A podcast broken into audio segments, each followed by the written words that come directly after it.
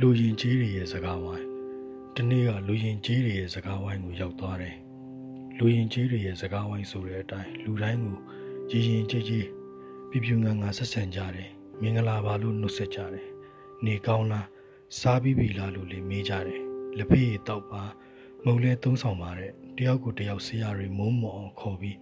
အပြန်အလှန်စကားတွေပြောကြတယ်ခေါင်းတွေငိမ့်ကြတယ်လူရင်ကြီးတွေရဲ့စကားဝိုင်းမှာ သမိုင်းတွေရောပထဝီတွေရောသိပ္ပံတွေရောနိဗ္ဗာန်တွေရောထင်ရမြင်ရတွေကိုပြောကြတယ်။တဖြည်းဖြည်းနဲ့စကားဝိုင်းအရှိန်မြင့်လာတော့မြောက်လုံးတွေခြောက်လုံးတွေဟောက်လုံးတွေအောက်လုံးတွေရှောက်ထုံးတွေပါလာတယ်။တယောက်နောက်ကျောကိုတယောက်ပြစ်မှတ်တွေချိန်ကြတယ်။အဲ့ဒီအချိန်မှာစကားဝိုင်းလေးကိုမိုးပေါ်ကတင်ငယ်တခေပြုတ်ချလာတယ်။တယောက်ကတင်ငယ်ကိုလက်နဲ့တို့ကြည့်တယ်။တယောက်ကတင်ငယ်ကိုရှာနေရက်ကြည့်တယ်။စိတ်မရှိတဲ့လူတွေကတင်ငယ်ကိုဇွန်းနဲ့ခတ်ကြခရင်နဲ့ထိုးကြဓာတ်နဲ့လီးကြတယ်။ တင်ငယ်ကိုမုံစိမ့်မိုင်းစားတယ်လို့မစားဘူးမနေတတိပေးရတယ်။အဲ့ဒီအချိန်မှာစကားဝိုင်းတွေကတယောက်ရဲ့လက်ကင်ဖုံးကအတန်မြည်လာတယ်။နမီကျော်ဆိုင်းဆရာတယောက်ရဲ့စံတော်ချင်းတီလုံး